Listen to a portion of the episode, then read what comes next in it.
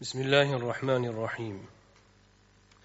الحمد لله الذي أرسل رسوله بالهدى ودين الحق ليظهره على الدين كله.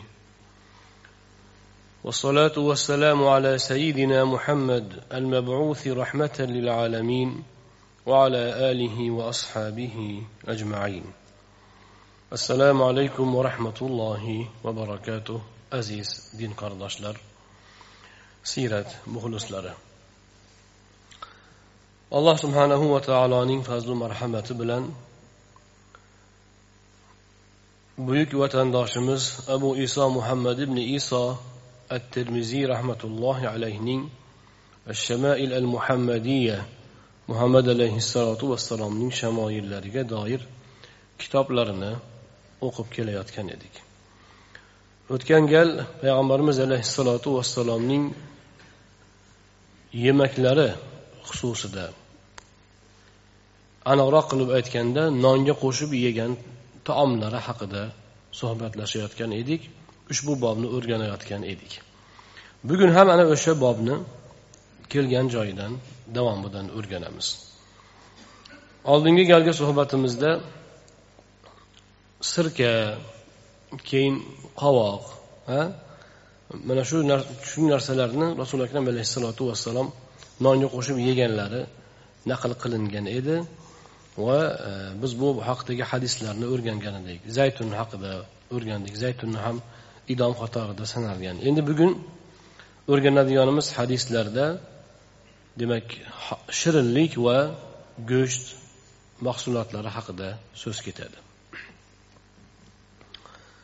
بسم الله الرحمن الرحيم وبالسند المتصل عن شيوخه إلى المصنف أبي عيسى محمد بن عيسى الترمذي رحمة الله عليه وهو قال حدثنا أحمد بن إبراهيم الدورقي وسلمة بن شبيب ومحمود بن غيلان قالوا حدثنا أبو أسامة عن هشام بن عروة عن أبيه عن عائشة قالت كان النبي صلى الله عليه وسلم يحب الحلواء والعسل. Oysha roziyallohu anhodan rivoyat qilinadi nabiy sollallohu alayhi vasallam shirinlikni va asalni yaxshi ko'rar edilar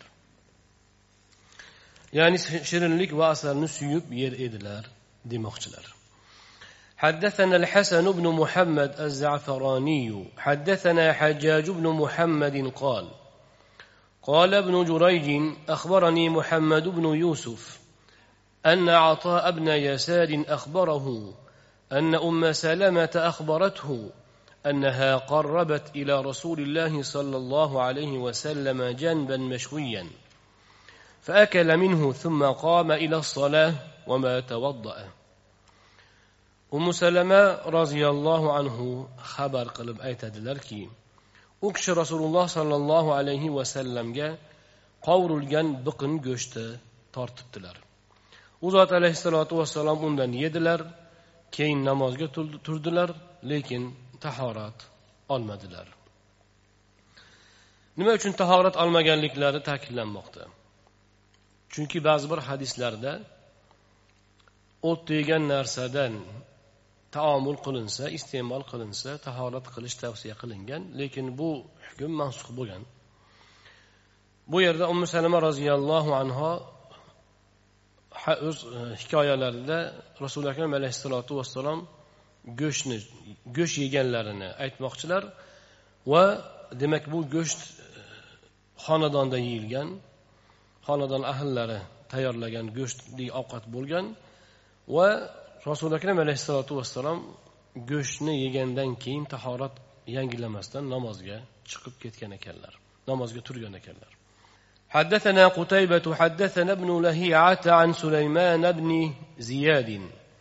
عن عبد الله بن الحارث قال أكلنا مع رسول الله صلى الله عليه وسلم شواء في المسجد. عبد الله بن حارس رضي الله عنه دن روايات قلنا aytadilar biz rasululloh sollallohu alayhi vasallam bilan birgalikda masjidda qovurilgan go'sht yeganmiz. Ya'ni masjidda ham mana shunday taomlanish holatlari bo'lgan. Bu qachon bo'ladi? Bu e'tikofda bo'ladi. Masjid taomlanadigan joy emas. Rasuli akram alayhissalotu vassalom har ramazon oyida o'n kun e'tikof o'tirardilar masjidda. E'tikof vaqtida e'tikofdagi odam masjidda taomlanishi mumkin joiz. Shuning uchun e, bu hadisdan biz e, xulosa olganimizda demak masjidni oshxonaga aylantirsa bo'laverarkanda degan taomlanish joyiga aylantirsa bo'laverarkanda degan xayolga bormasligimiz kerak. Balki bu demak e'tikofdagi odamlarda e'tikof o'tirganda joiz amal hisoblanadi. Boshqa vaqt masjidda taomlanilmaydi. Mabodo shu mana ramazonlarda iftor qilish kerak bo'lib qoladi umraga boramiz. Bu hanafiy mazhab ulamolarining kitoblarida tavsiya qilib aytiladigan gap ularning fatvolari fiqhlari asosida. Mana haramga boramiz to'g'rimi? Borganda masjidil haromga kirib tanovul qilib iftorliklar qilinadi. E, u yerda suvdan boshqa narsa ham xurmo bor shirinlik bor qatiq bor va hokazo. Ba'zida pishgan go'shtlar bor tovuq tarqatishadi. Ana unday holatlar bo'lishi mumkin. Yoinki o'zimizda ham ramazon kelyapti mana inshaalloh ramazonda iftorlikni masjidda qilish mumkin kimdir. Nima qilinadi? Deyilsa e'tikofni niyat qilib olish kerak deydi. Masjidga kirishdan oldin. O'zi e'tikof bir kecha yoki bir kunduz to'liq bo'lishi kerak. Lekin imom muhammadni qavullariga ko'ra e'tikof bir muddat ham bo'lishi mumkin. Mana hozir masjidga kirayotgan paytingizda shomdan xuftongacha o'tiribmiz to'g'rimi? E'tikof deb niyat qilsangiz savobi ko'proq bo'ladi. Shu muddat e'tikof e, e, o'zi odatda e'tikof ramazonda o'tiriladi sunnat sunnat. Sunnati shuki ramazonda e, e'tikof va boshqa vaqtda ham e'tikof o'tirsa asli ro'za tutish kerak. Lekin ba'zi fatvolarda ro'za tutmasa ham bo'ladi degan qavullar bor. O'shalarni jamlab turib ulamolarimiz tavsiya qiladiki masalan masjidga kirib uzoqroq o'tirib qolib o'shada bir narsa yeyishi ehtimoli bo'lsa kirishdan oldin e'tikofni niyat qilib olsa unga o'sha joyda o'sha taomlanish taomni yeyish yoki suv ichish joiz bo'ladi bemalol bo'ladi ana shu ma'noda payg'ambarimiz alayhissalotu vassalomning siyratlaridan biz mana shu hukmni olishimiz mumkin حدثنا محمود بن غيلان حدثنا وكيع حدثنا مسعر عن ابي صخره جامع بن شداد عن المغيره بن عبد الله عن المغيره بن شعبه رضي الله عنه قال ضفت مع رسول الله صلى الله عليه وسلم ذات ليلة فأتي بجنب مشوي ثم أخذ الشفرة فجعل يحز فحز لي بها منه. قال فجاء بلال يؤذنه بالصلاة بالصلاة فألقى الشفرة فقال ما له؟ تربت يداه. قال وكان شاربه قد وفى فقال له أقصه لك على سواك أو قصه على سواك مغيرة بن شعبة رضي الله عنه aytadilar rasululloh sollallohu alayhi vasallam bilan bir kecha mehmonda bo'ldim payg'ambarimiz alayhissalotu vassalomni bir joyga mehmonga taklif qilingan ekan mug'irat ibn shobani qo'llaridan ushlab yur ketdik deb u kishini yetalab birga mehmonga borishgan ekan Mana shu hadisdan olinadiki ba'zan agar mezbon tomon sizga huquq bergan bo'lsa yoyinki yaqinlik shundoqki siz umumiy kelishuvingizda bir ikkita odam olib kelinsa qo'shimcha yetalab qabul qiladigan bo'lsa yoyinki ommaviy mehmondorchiliklar bo'lsa aytilmagan odamni ham yetalab olib borish mumkin ekan. Mana shu hadis sharifda ulamolarimiz mana shu ushbu hukmni bayon qiladilar. Kechki payt demak rasuli akram alayhissalotu vassalom bilan mehmondorchilikka bordik deydi mug'irat ibn shoba roziyallohu anhu. U zot alayhissalotu vassalomga qovurilgan biqin go'shti keltirildi. So'ng u zot katta pichoqni olib o'sha pichoqda go'shtni kesib kesib menga ham undan kesib berib mana shunday qilib taomlandik go'sht yedik. Shundoq go'sht yeb turgan edikki bilol roziyallohu anhu namoz vaqti bo'lganini xabarini berib qoldi. Ozon aytilmagan namoz vaqti bo'lib namoz vaqti kelibdi ozon aytaymi e, degan ma'noda kelib qoldi. Shunda rasuli akram alayhissalotu vassalom pichoqni otib yubordilar. Nima bo'lgan bunga? Bu sho'ring qurgur dedilar. Mug'irat ibn shobaning mo'ylovi o'sgan ekan. O'sib ketib qolgan ekan. Rasuli akram alayhissalotu vassalom unga aytdilarki bitta misvokni qo'yginda mo'ylavingni qisqartir. Yoki men o'zim qisqartirib qo'yay dedilar deyiladi.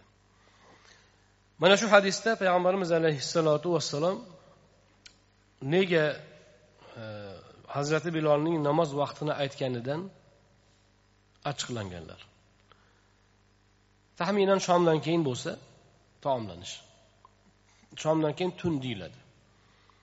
Demak xuftonni xabari kelgan. Xufton vaqti kirdi deb xabar berilgan. Rasuli akram alayhissalotu vassalom hadislarda aytganlar agar tushlik ovqati kelsa oldin ovqatlanib keyin taomlaninglar. Kechki ovqat tayyor bo'lsa oldin taomlanib keyin kechki xuftonni namoz xufton namozini o'qinglar. Nega desa inson namozda turgan paytda haligi ovqatga ko'ngli bo'linmasin. Ayniqsa qorni och bo'lsa odam ovqatga ko'ngli bo'linadi. Demak odob shu ekanki rasuli akram alayhissalotu vassalom bu yerda hazrati bilolni koyiganlari odamlar o'tirib e, namoz vaqti bo'lganini hali bilgani yo'q. O'tirib uyni ichida taomlanyapti. Ularga taomlanib bo'lgandan keyin namoz vaqti kirganini xabar berilsa ular namozga ham bo'linmaydi va e, taomdan ham bemalol tanovul qilib nafs orom oladi. Chunki taomlanish bilan namoz agar bir vaqtga to'g'ri kelsa agar katta jamoatni hisobga olinmasa masalan bir e, joyda mehmondorchilik holatida bo'lsa oldin taomlanib qorinni to'ygizib to'ygizmasa ham qorinni demak nafsni qondirib keyin namozga turish tavsiya qilingan. Hazrat bilar roziyallohu anhuning mana shu joyda o'sha hushyorliklari hushyorliklari yetishmay qolganidan rasuli akram alayhissalotu vassalom asli odamlar ovqatlanib turgan paytda bir oz kutib tursang besh daqiqa namoz vaqti xuftonni vaqti bemalolku besh daqiqa o'n daqiqadan keyin masalan xabar bersa ham bo'lar edi odamlar e, besalomjon besaromjon bo'lmay taomlanib keyin namozga xotirjam turishar edi degan ma'noda rasuli akram alayhissalotu vassalom ushbu tasarrufni qilgan ekanlar. Bu hadisdan yana o'rganadiganimiz e, mo'ylovni o'stirish. Mo'ylovni og'izga tegadigan qilib o'stirib bo'lmaydi. Labga tushadigan qilib. Yeyotgan hadislarda qaytarilgan. Yeyotgan taomga tegadigan qilib yoyinki labni bekitadigan qilib mo'ylovni o'stirib bo'lmaydi. Lekin hadisdan yana tushunamiz ba'zi odamlar o'ylagandek mo'ylovni qisqartirish degani bu qirib tashlash shart degani emas ekan. Mug'iyrat ibn shobaga misvakni qo'yginda qisqartirib olgan. Ya'ni misvakdan o'smasin degan ma'no. Ikkinchisi u vaqtlarda o'sha e, soqol mo'ylovlarni qisqartiradigan asboblar ham juda qulay bo'lmagan bo'lishi mumkin. Qo'polroq bo'lgan. Insonni tanasiga tegib ketib jarohatlantirmasligi uchun misvak qo'yib olib e, qisqartirish tavsiya qilinar ekan. Hozirda taroni qo'yib olib turib qo'yganini singari. U o'sha e, tig' tanaga tegmasligi uchun. Mana shu ikki ehtimol yuzasidan rasuli akram alayhissalotu vassalom misvakni qo'yib mo'ylovni qisqartirishni tavsiya qilmoqdalar. Payg'ambarimiz alayhissalotu vassalomning ushbu hadisdagi tasarruflari nihoyatda bir bag'ri kenglik va nihoyatda bir yuqori bir madaniyatni ko'rsatadi. Bundoq tafakkur qilsangiz. Gohida mehmondorchiliklarda ham shunaqa holat bo'ladi. Mehmonlar kelgan jamoatga ulgurmaydi. Masjiddan uzoqroq joyda aytaylik. O'tirsa namoz vaqti bo'lib qoldi deb odamlarni bezovta qilishga ba'zilar shoshib qoladi. Yo'q.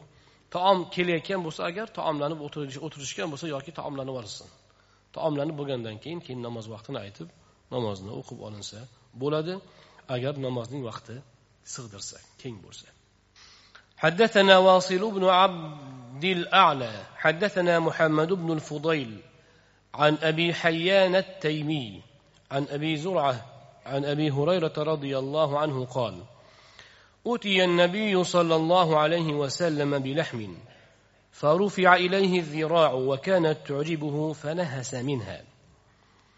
أبو هريرة رضي الله عنه دان رواية قلنا النبي صلى الله عليه وسلم قل قوش كيلترلد وأوزاتك أوزاتلد وأوزاتك قوينين قول أوزاتلد قوش كيلت قوشتا قوينين قول هم بار بقنا هم بار. Payg'ambarimiz alayhissalotu vassalomga qo'yning qo'lini uzatishibdi.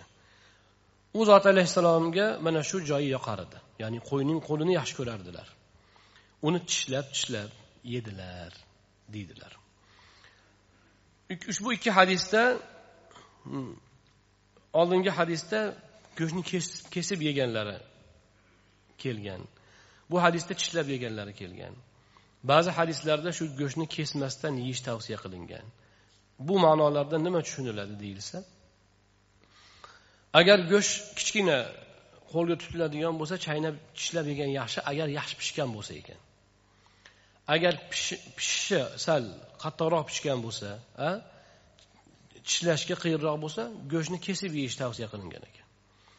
Har ikki holat ham insonning demak ishtahosiga holatiga qarab bo'ladi. Lekin hadisda mana shunga ham e'tibor berilgani bizga muhim. O'zi oddiy topib ketishi ham mumkin. Aqli aqli bor odam yeyayotgan narsasini qattiq yumshoqligiga katta kichikligiga qarab o'ziga qulaylashtiriladi. Lekin rasuli akam alayhissalotu vassalomning taomlanish uslublarida mana shunday holatlarga e'tibor berilgani u zot alayhissalotu vassalomning taomlanishlari bugungi til bilan aytganda nihoyatda madaniyatli bo'lganini ko'rsatadi. Palaparchilik bilan to'g'ri kelgan tishlab to'g'ri kelganini yutib unaqa emas. hammasi tartibli intizomli insonga qulay va ko'rinishi go'zal suratda amalga oshirilgan taomlanishda ham u zot alayhissalotu vassalom mana shunday go'zal edilar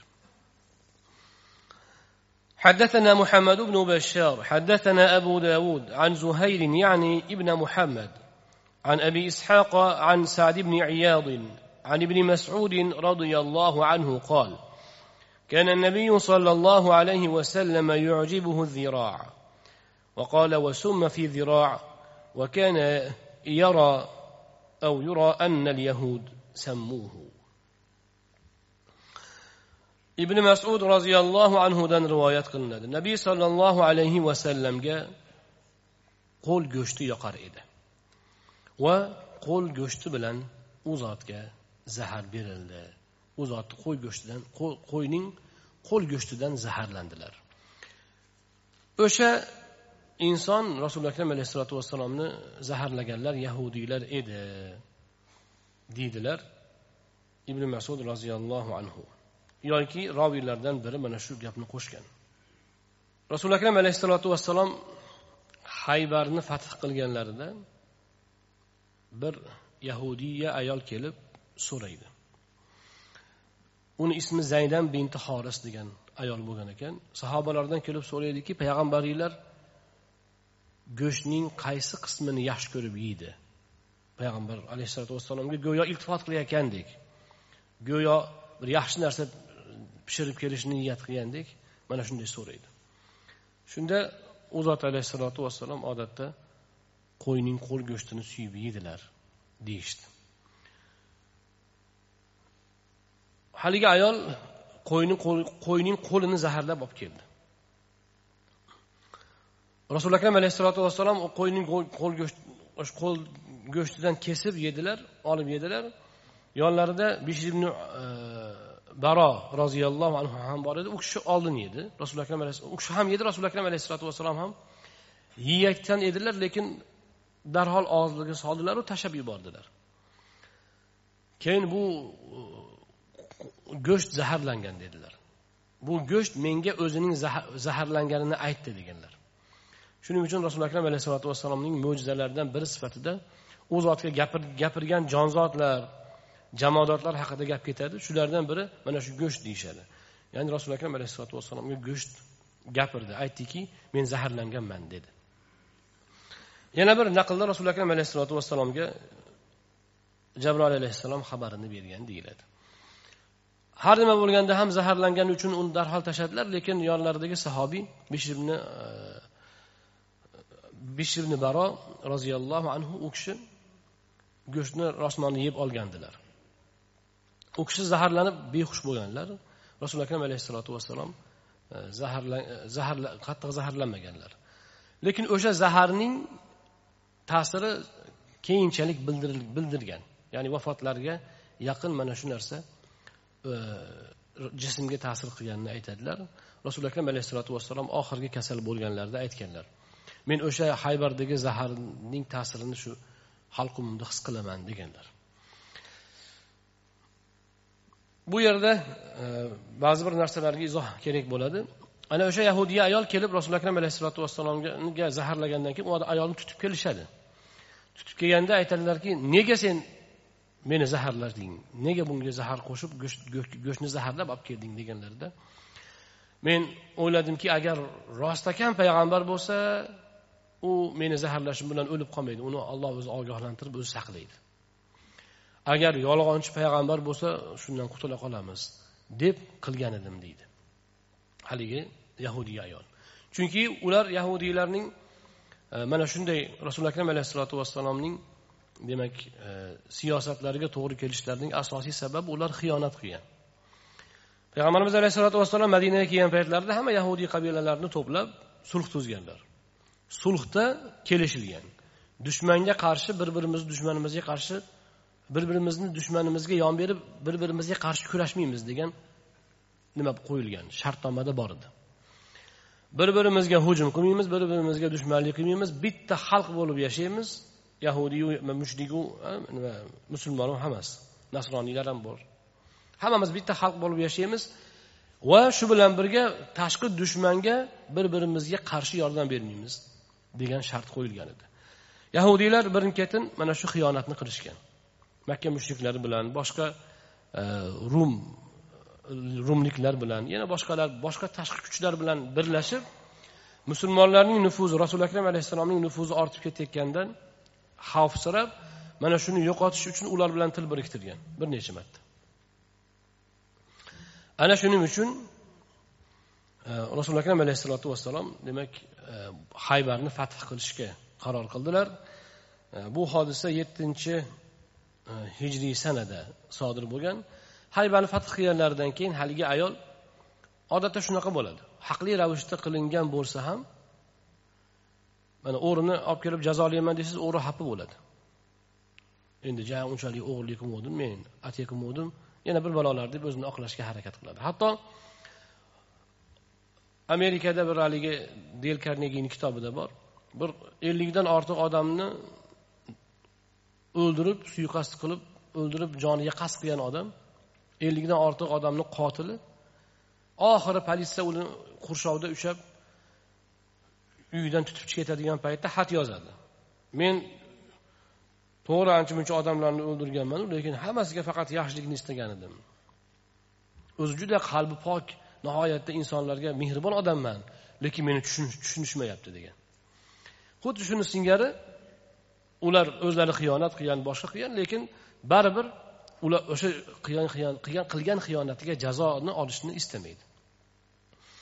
Ana shu ma'noda haligi yahudiy ayol payg'ambarimiz alayhissalotu vassalomga dushmanlikni qildi. Lekin u keyin musulmon bo'lgan. Payg'ambarimiz alayhissalotu vassalomning haq payg'ambarlik payg'ambar ekanlarini anglab yetib keyin musulmon bo'lgan. Biroq rasuli akram alayhissalotu vassalom uni kechirib yuborganlar. Nega zaharlading deganlarida shunaqa deb zaharladim deganda rasuli akram alayhissalotu vassalom qasos olmaganlar.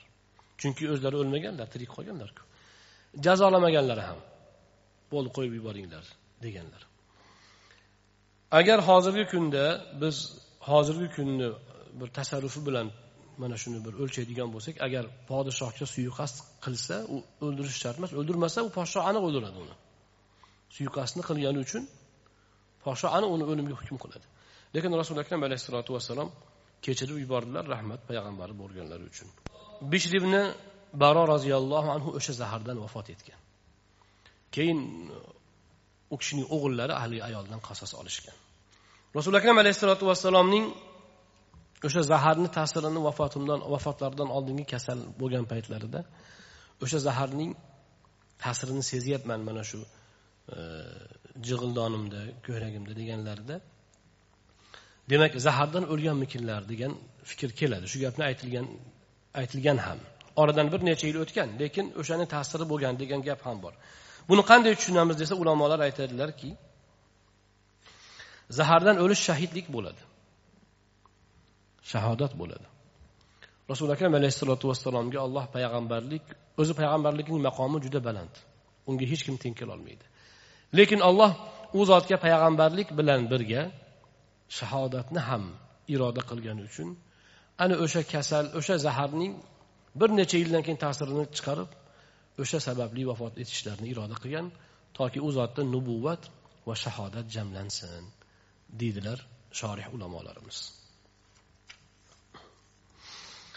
نوبة حديث حدثنا محمد بن بشار حدثنا مسلم بن إبراهيم عن أبان بن يزيد عن أبان بن يزيد عن قتادة عن شهر بن حوشب عن أبي عبيدة قال طبخت للنبي صلى الله عليه وسلم قدرا وكان يعجبه الذراع. فناولته الذراع ثم قال ناولني الذراع. فناولته ثم قال ناولني الذراع. فقلت يا رسول الله وكم للشاة من ذراع؟ فقال والذي نفسي بيده لو سكت لناولتني الذراع ما دعوت. abu ubayda roziyallohu anhudan rivoyat qilinadi u kishi aytadilar men bir qozon qaynatib nabiy sollallohu alayhi vasallamga taom tayyorladim. U zot alayhissalotu vassalom qo'l qo'l go'shtini yaxshi ko'rar edilar. Shuning uchun u zotga qo'l go'shtini uzatdim. So'ngra yana aytdilarki yana qo'l go'shtidan ber dedilar. Yana uzatdim. U zot yana qo'l go'shtidan ber dedilar. Men ey allohning rasuli bitta qo'yda nechta qo'l bo'ladi o'zi? Dedim. Shunda u zot alayhissalotu vassalom jonim qo'lida bo'lgan zotga qasamki agar tek turib mana shunday javob qaytarmasdan unga sen qo'lni uzata men so'raganimcha sen menga qo'l uzata olarding dedilar. Ya'ni mo'jiza ko'rsatilardi hozir senga. Rasuli akram alayhissalotu vassalomning mo'jizalari juda ko'p bo'lgan. U zotning barakotidan taom ko'payishi suv ko'payishi. Sahoba ikromlar haligi ko'raverib ularga oddiy holda holga aylanib qolgan. Onalarimizning birlarining to'yida bitta idishdagi taom qo'yilgan. Rasuli akram alayhissalotu vassalom taklif qilganlar sahobalar bitta idishdagi taomni taqriban uch yuzta odam yegan. O'nta odam kirib yeb sakkizta odam yeb ichib ketaveradi ichib ketaveradi oxirida yana shuncha taom qolgan sahobalar aytadi biz boshida hali biz qo'l uzatmasdan turib tovoqdagi ovqat ko'proqmidi yoki keyin ko'payib ketdimi shuni bilolmadik. Lekin oldingidan ko'p bo'lsa ko'pga kam qolmadi. Uch yuzta odam taomlangandan keyin ham deganlar. Mana shunga o'xshash mo'jiza rasuli akram alayhissalotu vassalomning e, hayotlarida juda ko'p bo'lgan ana shu mo'jizalardan birini hozir sen ko'rar eding. Agar men so'raganimda gapimni qaytarmasdan beraverganingda deganlar. Endi e, sahoba roziyallohu anhu abu ubayda roziyallohu anhuning u gapni aytishlari biroz erkaliklari va o'zi ikkita qo'y bo'ladiku yo rasululloh buni bilasizku ikkita bitta qo'y xolos edi o'zi bu demoqchi bo'lganlar. Lekin agar rasuli akram alayhissalotu vassalomning o'sha so'rovlariga indamasdan qozonni yana ochib yana qo'lini solsa yana qo'l chiqaverardi lekin u zot alayhissalotu vassalom e, lekin abu ubayda roziyallohu anhuning haligi demak javoblari bu mo'jiza ro'y berishiga to'sqinlik qilib qoldi حدثنا الحسن بن محمد الزعفراني حدثنا يحيى بن عباد عن فلاح بن سليمان قال حدثني رجل من بني عباد يقال له عبد الوهاب بن يحيى بن عباد عن عبد الله بن الزبير عن عائشة رضي الله عنها قالت ما كانت الذراع أحب اللحم إلى رسول الله صلى الله عليه وسلم ولكنه كان لا يجد اللحم إلا غبا وكان يعجل إليها لأنها أعجلها نضجا. oysha roziyallohu anhu aytadilar rasululloh sollallohu alayhi vasallamga eng sevimli go'sht qo'y go'shti e, qo'l go'shti emas edi. Lekin u zot alayhissalotu vassalom onda sonda go'shtga muyassar bo'lardilar. Onda sonda go'shtga ro'para kelardilar go'sht topa olardilar. Va u qo'yning qo'l go'shti tez pishgani uchun ana o'shanga unga intilardilar deydi oysha roziyallohu anhu oysha roziyallohu anhu ko'rinishdan sahoba ikromlarning ko'plari aytyaptiku rasuli akram alayhissalotu vassalom qo'lning qo'yning qo'l go'shtini yaxshi ko'rardilar degan gapni aytishsa oysha roziyallohu anhu go'yo payg'ambarimiz alayhissalotu vassalom shu go'shtni yaxshi ko'rib yegan desa xuddi bir maishatga berilgandek tasavvur qilinishini u kishi his qilib unga e'tiroz bildiryaptilar rasuli akram alayhissalotu vassalom qo'y go'shtini qo'yning qo'l go'shtini yaxshi ko'rardilar deyishadi unaqa emas. Lekin u zot goh gohida go'shtga muyassar go'shtga muvaffaq bo'lganlaridan va qo'yning o'sha qo'l qo'l go'shti odatda boshqa joyga nisbatan tez pishganidan. O'shaning uchun uni suyib suyib yerdilar o'shaning uchun unga intilardilar demoqdalar. Ulamolarimiz aytadilarki bu yerda biz e, mana shu ikki ikki xil tushunchani qanday birlashtirishimiz mumkin? Sahobalar ba'zi birlari aytyapti rasuli akram alayhissalotu vassalom qo'l go'shtini yaxshi ko'rardilar deyaptilar. Oysha roziyallohu anhu yaxshi ko'rishlarining sababi u haligi maza qilib yeyish uchun emas. O'sha shirin joyini yeyish uchun emas balki tez pishgani uchun demoqdalar. Biz qaysi bir fikrni e, demak qabul qilamiz deyilsa oysha roziyallohu anhoning gaplari o'z o'rnida kerak. Ya'ni rasuli akram alayhissalom qo'yning qo'l go'shtini yaxshi ko'rardilar desa demak mana shu shirin go'sht yeyishga u zot alayhissalotu vassalom ham intilgan ekanlarda degan xayol borib u zotning taomga nisbatan munosabatlardagi umumiy holat noto'g'ri anglashib qolinmasin demoqdalar. Chunki odatda payg'ambarimiz alayhissalotu vassalom unaqa lazzatli taomlarga intiladigan odam bo'lmaganlar. Muyassar bo'lganini yerdilar ketaverardilar. O'shaning uchun bu yerda hadisda yana ikkinchi bir nuqta bor. U ham nihoyatda haqli to'g'ri to'g'ri biz anglashimiz kerak. U u ham bo'lsa rasuli akram alayhissalotu vassalom tez pishadigan ovqat tezroq pishgani uchun yaxshi ko'rganlar. Bu ham rasulimiz alayhissalotu vassalomning siyratlarida bor holat. Qozonni qaynatib qo'yib ovqat kutib o'tirib haligi soatlab ovqat uchun vaqt ajratishni u zot alayhissalotu vassalom o'zlariga ep ko'rmaganlar qayeri tez pishadi o'sha joyini pishirdi taomlanaylik qorin to'ysin ishni qilaylik degan ma'noda tasarruflari bor edi. Lekin inson tabiati bir narsani suyib yeyishi bu ayb emas asli. Ana ulamolarimiz aytadilarki oysha roziyallohu anhoning gaplari payg'ambarimiz alayhissalotu vassalom haqlarida tushuncha bir yo'la faqat qo'y go'shtini qo'lini yaxshi ko'ravergan ekanlar degan tushunchani kesish uchun kerak. Lekin gohida suyib yeganlarni inkor qilishga hojat yo'q. Nega desa chunki insonning tabiati o'zi shu. Ba'zi bir narsani suyib yeydi ba'zi bir shirin taomga mayl qiladi. Bu payg'ambarlik makonatiga hech qanday zidjoy yo'q. Bunga hech qanday bir ayblov hisoblanmaydi deydilar ulamolarimiz. حدثنا محمود بن غيلان حدثنا أبو أحمد حدثنا مسعر قال سمعت شيخا من فهم قال سمعت عبد الله بن جعفر يقول سمعت رسول الله صلى الله عليه وسلم قال إن أطيب اللحم لحم الظهر. abdulloh ibn jafar roziyallohu anhu aytadilar men rasululloh sollallohu alayhi vasallamning eng shirin go'sht bel go'shti deganlarini eshitdim deydilar. Demak rasuli akram alayhissalotu vassalom go'shtning shirinini borligini aytganlari shirin joyi yana boshqa e, suyib yeganlari ma'lum bir go'shtning yumshoq joylarini. Bu narsalar rasuli akram alayhissalotu vassalomning hayotlarida oddiy insoniy tasarruflar e, sifatida mavjud edi. Va o'shanda ham baribir mana shu ishlarga ham zakovat ziyraklik kerak. Shayx hazratlari aytardilar ba'zi insonlar shunaqaki oldiga nima qo'ysa yeb ketaveradi. Tanlashni ham bilmaydi. Bundoq qarab foydalisini yeyish yutumlisini hazmi oson bo'lgan bo'lganini yeyish. Bu ham taomlanishdagi odoblardan sunnatlardan hisoblanadi. Ikkinchidan ulamolarimiz aytadilar insonning tabiati shirin taomga yengil hazmi yengil taomga intiladi. Mana buning foydasi tanaga foyda.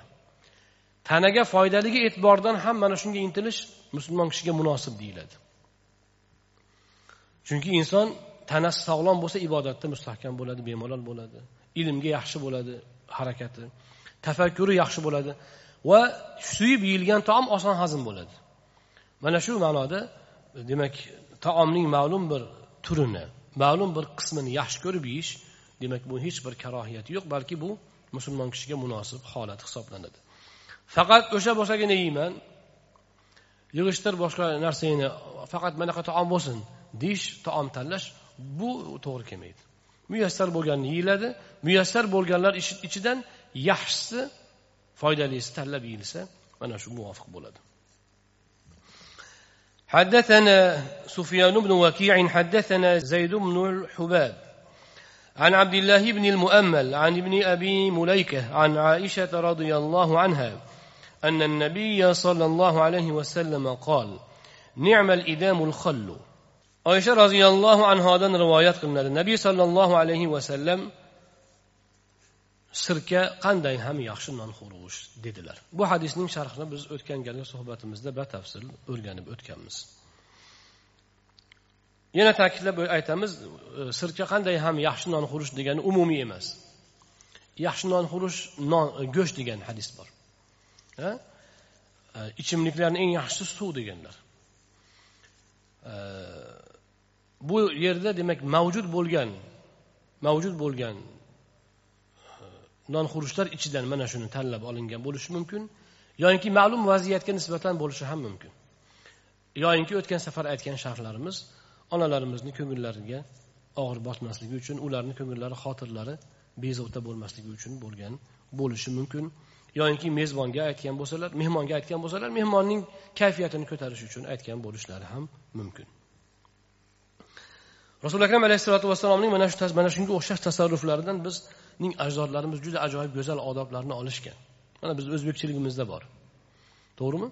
Mana shunga o'xshash odoblar bizni yosh kattalarimizda ayniqsa ahli ilmlarda vodiyda juda ajoyib zarofatli iltifotlar bor. Mana shu taomlanish ovqatlanish ustida juda ajoyib go'zal zarofatlar ishlatishadi.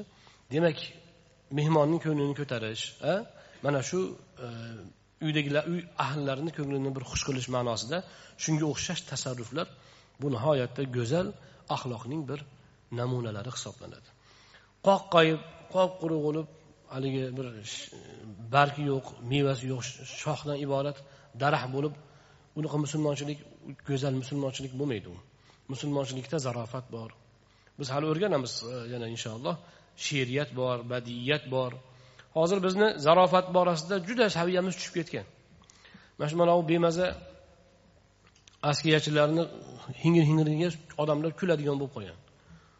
Uyatishni o'rniga. Nega shu desa zarofat tushib ketgan. Zarofat hosil bo'lishi uchun til tilning bir haligi go'zalligini inson anglash kerak. Tilning go'zalligini anglash esa o'shanaqa til ahllarining suhbatlaridan bahra olish ularning adabiyotlaridan o'qib o'rganish bilan shakllanadi. Boshqa xalqlarda yo'q madaniyatlar juda go'zal iltifotlar bor. Arablarda ham nihoyatda ko'p. Biz musulmon xalqlarda o'zi umuman bo'lgan. Mana shu hadislardagi iltifotlar ham ana shularning bir namunalari hisoblanadi. Lekin payg'ambarimiz alayhissalotu vassalomning shaxsan o'zlari bu narsaga urg'u berishlari to'g'ri emas edi. Uni keragicha o'zlariga yarasha keragicha bayon qilganlar. Chunki u zot alayhissalotu vassalomning asosiy yetkazmoqchi bo'lganlari din shariat. u hoshiya degan narsalarni u kishi ko'p ko'p ishlatsalar u dinga shariatga aylanib ketadi shuning uchun joizligini ko'rsatib kifoya qilganlar qolganlar unga urg'u bersa bo'ladi unda biroz mubolag'a qilsa bo'ladi o'sha zarofatli ishlarda biroz ildamroq bo'lsalar ularga bo'ladi chunki ular shariat sohibi emas حدثنا أبو كريب حدثنا أبو بكر بن عياش عن ثابت أبي حمزة الثمالي عن الشعبي عن أم هانئ قالت دخل علي النبي صلى الله عليه وسلم فقال أعندك شيء؟ فقلت لا إلا خبز يابس وخل. فقال هاتي ما أفقر بيت من أدم فيه خل. أمهاني رضي الله عنها أتدلر. نبي صلى الله عليه وسلم خزورم كردلر وين biror narsa bormi huzuringda biror narsa bormi yegulik dedilar men yo'q illo qotigan non bilan sirka bor dedim. Shunda u zot alayhissalotu vassalam o'shani ber.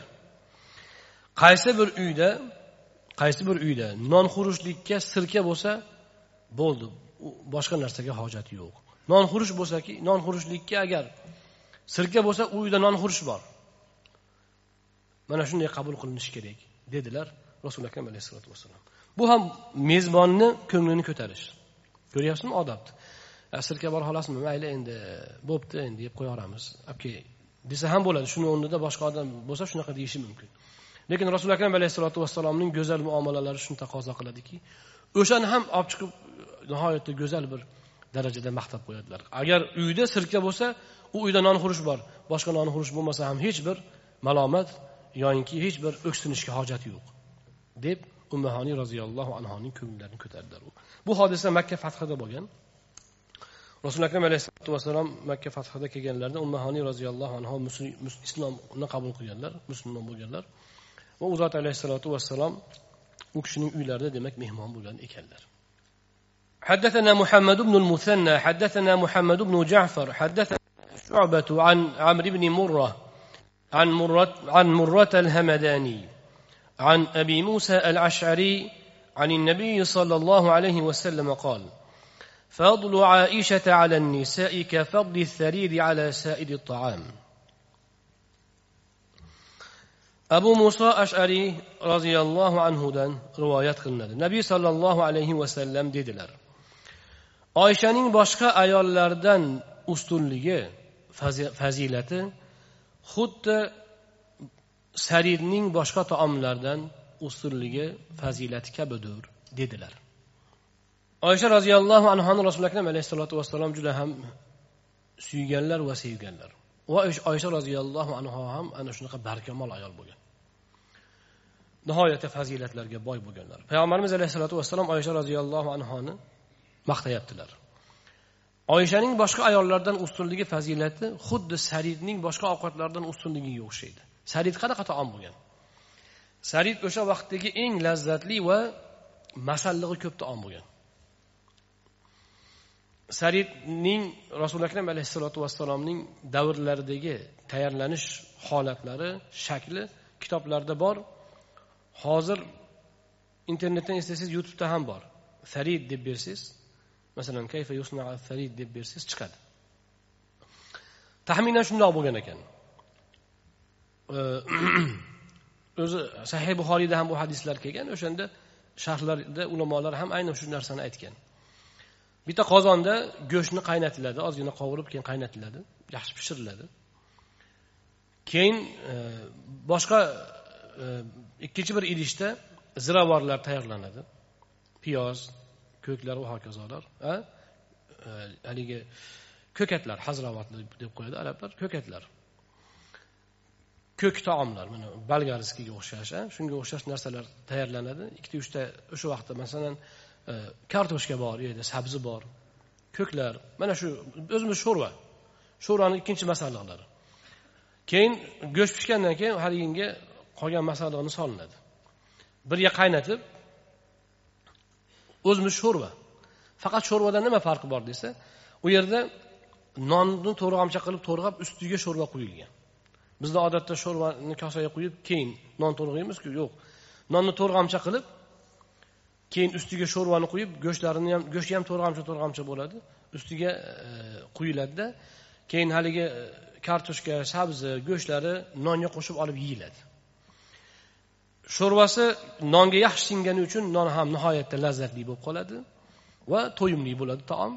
Mana shu taomni xullas shunaqa masalliqlari ko'p bo'lgani uchun o'sha vaqtdagi eng masallig'i ko'p taom bo'lgani uchun va mazasi yaxshi bo'lgani uchun va foydasi ko'p bo'lgani uchun hamma ovqatlardan eng ustun ovqat deb qaralgan.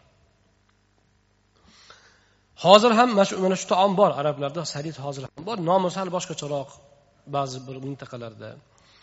Yana e, tayyorlanishda ba'zi bir o'zgarishlar bor. Lekin rasululo akram alayhissalotu vassalomning davrlaridagi sarid mana shu yuqorida eslaganimizdek bo'lgan. Aytishlaricha mana shu sarid degan ovqatni payg'ambarimiz alayhissalotu vassalomning katta bobolari hoshim birinchi bo'lib tayyorlagan ekan. Hoshim degani to'rg'ovchi degani non to'rg'aydigan degani. Nega bunday bunday nom olgan desa hojilarga mana shu taomni qilib go'shtni ham to'rg'aydi bunda nimani ham to'rg'aydi nonni ham to'rg'amcha qilib uzatib ularni mehmon qilgani uchun u kishini hoshim deb nom laqablangan. O'sha taom demak rasululo akram alayhissalotu vassalomning davrlaridagi eng yaxshi taom bo'lgan ekan. Oysha roziyallohu anhuni maqtayaptilarki bu mana shunaqa serqirra shunaqa fazilati ko'p. Hamma ovqatdan ustun bo'lgani kabi sarid oysha ham ana shunaqa turli fazilatlarga egaligi bilan boshqa ayollardan ustundir deb aytgan ekanlar. Bu hadisning yuqorisida yuqorisida rasuli akram alayhisalotu vassalom aytganlarki ayollardan to'rt kishi kamolatga yetdi deb maryam osiyolarni aytganlarida keyin aytganlarki oysha esa ana shu sadid kabi boshqa ayollardan ustundir deb oysha roziyallohu anhuni ham ana shu qatorda maqtab o'tganlar. Bu hadisdan demak rasuli akram alayhissalotu vassalom oysha roziyallohu anhoni maqtaganlari ham o'rganishimiz mumkin. Shu bilan birga bu oysha roziyallohu anhu musulmonlarning onasi bo'lgani uchun u kishini maqtashlari boshqalarga bemalol bexavotir bo'lgan. Chunki ona ummatning onasi hisoblanadi. Э, lekin boshqa э, o'rinlarda masalan u fazilat u maqom ega bo'lmagan o'rinlarda demak e, insonga o'z ayolini maqtashi mamduh holat hisoblanmaydi. Oysha roziyallohu anhoning muallima bo'lganlari ummatga ona bo'lganlari e'tiboridan rasuli akram alayhissalotu vassalom ana shunday maqtab boshqalarga buni demak baralla aytgan ekanlar. حدثنا علي بن حجر حدثنا إسماعيل بن جعفر عبد الله بن عبد الرحمن ابن معمر الأنصاري أبو طوالة أنه سمع أنس بن مالك يقول قال رسول الله صلى الله عليه وسلم فضل عائشة على النساء كفضل, كفضل الثريد على سائر الطعام. Ushbu hadis aynan oldingisi bilan bir xil abu muso ashari roziyallohu anhuning biz yuqorida o'rganganimiz hadis bilan bir xil bunisini anas ibn molik roziyallohu anhu naql qilyaptilar hadis matni ham bir xil rasululloh sollallohu alayhi vasallam dedilar oyshaning boshqa ayollardan fazli ustunligi saridning boshqa taomlardan ustunligi kabidir dedilar حدثنا قتيبة بن سعيد حدثنا عبد العزيز بن محمد عن سهيل بن ابي صالح عن ابيه عن أبي هريرة رضي الله عنه أنه رأى رسول الله صلى الله عليه وسلم توضأ من ثور أقط ثم رآه أكل من كتف شاة ثم صلى ولم يتوضأ. أبو هريرة رضي الله عنه دان روايات قلنا. أكشأ اشترشا رسول الله صلى الله عليه وسلم بربلك bo'lak يبترب yeb يبترب. qurt yeb قل keyin tahorat keyin esa qo'yning yelka go'shtidan yeb turib yani qo'l go'shtidan yeb turib keyin tahorat olmasdan namoz o'qiganlarini ko'rgan ekanlar. Abu hurara roziyallohu anhu rasuli akram alayhissalotu vassalomning eng yonlarida ko'p yurgan sahobalaridan u zot alayhissalotu vassalom mana payg'ambarimiz alayhissalotu vassalomning har bir harakatlarini sahobalar mana shunaqa kuzatishgan. Qurtob qurtob yedilar ozgina qurt yedilar pishloqqa o'xshash suzmaydi desa ham bo'ladi qurt desa ham bo'ladi. Yedilarda keyin tahorat olmadilar e, tahorat oldilar keyin esa e,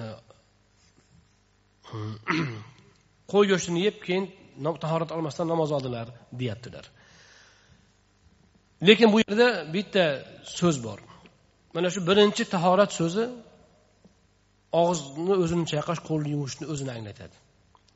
Yo og'iz bilan qo'lni chayqash yoki qo'lni o'zini chayqash. Qo'lni o'zini yuvishni ham tahorat oldi deb ishlatishgan. Ikkinchisi esa rostdan tahorat olgan olish ma'nosida ya'ni tahorat olmasdan namoz o'qidilar degan ma'noda tushunilishi mumkin deydilar. Ikkinchi bir vaji ham bor bu hadisni tushunishda. Birinchi tahorat olishlari birinchisi tahorat oldilar degani demak oldin tahoratlari bo'lmagani uchun tahorat olgan. Keyin esa namozdan keyin go'sht yeyilibdi. Undan keyin yana namozga turilgan paytda endi tahoratlari sinmagan bo'lgani uchun tahorat olmasdan namoz o'qiganlarini aytmoqdalar abu hunayra roziyallohu anhu. حدثنا ابن أبي عمر حدثنا سفيان بن عيينة عن وائل بن داود عن ابنه, عن ابنه وهو بكر بن وائل عن الزهري عن أنس بن مالك قال أولم رسول الله صلى الله عليه وسلم صفية بتمر وسويق. anas ibn molik roziyallohu anhu aytadilar rasululloh sollallohu alayhi vasallam safiya roziyallohu anhoga xurmo va tolqon bilan to'y qilib berdilar bu hodisa safarda bo'lgan safiya roziyallohu anhoga uylanganlarida rasuli akram alayhissalotu vassalom to'y qilib berganlar. Sahobalarga aytganlar ehtiyojinglardan tashqari yeguliklar bo'lsa olib kelinglar deganlar. Bir e, to'shama to'shash to'shashgan. Keyin o'shanda odamlar xurmo va haligi qotigan non tolqon shunga o'xshagan narsalarni keltirishgan va rasuli akram alayhissalotu vassalom o'sha o'shani sofiya roziyallohu anhoga to'y deb e'lon qilib ana shu bilan to'yni o'tkazganlar bundan rasuli akram alayhissalotu vassalom demak kamtarona mana shunday to'y o'tkazganlarini ham biz anglashimiz mumkin حدثنا الحسين بن محمد البصري حدثنا الفضيل بن سليمان حدثنا فائد مولى عبد عبيد الله بن علي بن ابي رافع مولى رسول الله صلى الله عليه وسلم قال حدثنا عبيد الله ابن علي عن جدته سلمى أن الحسن بن علي وابن عباس وابن جعفر أتوها فقالوا لها اصنعي لنا طعاما مما كان يعجب رسول, رسول الله صلى الله عليه وسلم ويحسن أكله. فقالت يا بني لا تشتهيه اليوم. قال بلى اصنعيه لنا. قال فقامت فأخذت شيئا من شعير فطنحت فطنحته ثم جعلته في قدر وصبت عليه شيئا من زيت ودقت الفلفل والتوابل فقربته إليهم فقالت هذا ما مما كان يعجبه رسول الله صلى الله عليه وسلم ويحسن aklahu ubaydulloh ibn ali o'zining buvasi salmodan rivoyat qiladi salmo aytibdiki roziyallohu anhu bir kuni imomi hasan hasan ibn ali roziyallohu anhu ibn abbos va ibn jafarlar salmonning huzuriga kelishibdi. Aytishdiki bizga rasululloh sollallohu alayhi vasallam yoqtirgan taomdan qilib bering. U zot suyib yegan yoqtirgan taomdan qilib bering deyishibdi. Shunda salmo aytibdilarki ey bolalarim sizlar uni bugun yeyolmaysizlar maza qilib yeyolmaysizlar. Sizlar yeydigan bugungi maishat bugungi shirin taomlarni yegan odamlarsizlar. Sizlar u taomlarni u rasuli akram alayhissalotu vassalom yegan taomni baishtaha yemaysiz yeyolmaysizlar. Shunda ular aytishibdiki yo'q bizga o'sha rasuli akram alayhissalotu vassalom suygan taomni qilib bera qoling. Salmo o'rnidan turib ozgina arpa olibdi uni tuyibdi. Keyin uni qozonga solibdi murch solibdi ustidan ziravorlarni solibdi va ularni oldiga tortibdi va aytibdiki rasululloh sollallohu alayhi vasallam yaxshi ko'rib suyib yeydigan taom mana shu edi debdilar salmo roziyallohu anhu حدثنا محمود بن غيلان حدثنا أبو أحمد حدثنا سفيان عن الأسود بن قيس عن نبيح العنزي عن جابر بن عبد الله قال أتانا النبي صلى الله عليه وسلم في منزلنا فذبحنا له شاة فقال كأنهم علموا أنا نحب اللحم وفي الحديث قصة jobir ibn abdulloh roziyallohu anhudan rivoyat qilinadi nabiy sollallohu alayhi vasallam bizning uyimizga keldilar biz u zot uchun bir qo'yni so'ydik shunda u zot alayhissalotu vassalom bular bizning go'shtni yaxshi ko'rishimizni bilib qolishdiyu dedilar bilib qolishganga o'xshaydilar deb aytdilar. Bu hadisning o'z qissasi bor deydilar. Bu hadisni qissasi shu ekanki handaq kuni jobir ibn abdulloh roziyallohu anhu musulmonlarning och qolganini rasuli akram alayhissalotu vassalomning och qolganlarini sezib uylariga borib ayollariga aytganlar. Biror narsa bormi men rasuli akram alayhissalotu vassalom qattiq och qolganlarini ko'rdim deydilar. Shunda u kishi aytadiki bir ozginagina e, arpamiz bor va e, kichkinagina bir qo'zichog'imiz bor e, deydilar. Ya'ni bir e, e semizgina qo'yimiz bor deydilar. Shu o'sha qo'yini qo'zichoqni so'yadilar va haligi arpani tuyib ovqat tayyorlashadi. Keyin kelib rasuli akram alayhissalotu vassalomga o'zi ovqat ko'p emasda sekingina yo rasululloh ozgina ovqat bor yeb oladilarmi? deb aytadilar. Jobir ibn abdulloh roziyallohu anhu. Bir mahal rasuli akram alayhissalotu vassalom e, oz o'zingiz bilan birga ozgina odam bo'lsa bo'ldi deb aytadi jobir roziyallohu anhu. Shunda rasuli akram alayhissalotu vassalom jobir bizga ovqat tayyorlab qo'yibdi ketdik ey ahli handaq deb hammaga e'lon qilib yuboradilar. Shunda hammalari jobir roziyallohu anhuning huzurlariga kelishadi. Rasuli akram alayhissalotu vassalomning barakotlaridan haligi ozginagina taom hammaga yetadi va hammalari qorinlarini to'ygizib demak o'sha taom bilan mehmon bo'lishadi. Mana shu qissa e, handaq g'azoti kuni sodir bo'lgan. O'shanga ishora qilib imom termiziy bu haqida qissa bor demoqdalar. Gapni qisqa qilishlarining sababi rasuli akram alayhissalotu vassalom bu joyda biz go'shtni yaxshi ko'ramiz ko'rishimizni bular bilishib qoldiyov degan gaplaridan u zot alayhissalotu vassalom haqiqatan go'shtni suyib iste'mol qilganlariga ishora qilmoqchilar. Inshaalloh kelgusi suhbatimiz ham mana shu bobning davomi bo'ladi. Hozir endi xufton vaqti kirib qoldi yaqinlashib qoldi. Shuning uchun bugungi suhbatimizga yakun yasaymiz. Inshaalloh kelgusi suhbatimizda yana rasuli akram alayhissalotu vassalomning mana shu e, nonga qo'shib yegan yeguliklari taomlari haqida kelgan hadislarni o'rganishda davom etamiz سبحانك اللهم وبحمدك لا إله إلا أنت نستغفرك ونتوب إليك اللهم انفعنا بما علمتنا وعلمنا ما ينفعنا وزدنا علما نافعا alloh o'zing hammamizga ilmi nofi bergin o'rganganlarimizga amal qilish baxtini nasib aylagin rasuli akram alayhissalotu vassalomga bo'lgan muhabbatimizni u zot xususlaridagi bilimlarimizni o'zing ziyoda qilgin Parvardigora el yurtimizni tinch omon qilgin. Aziz vatanimizni jannat makon aylagin. Ommatan xalqimizga tavfiqi hidoyatni yor aylagin. Rahbaru fuqarolarimizni alloh iymonda islomda sobit qadam qilgin. Bu bo'layotgan suhbatlarimizni alloh o'zing bardavom barakotli aylagin.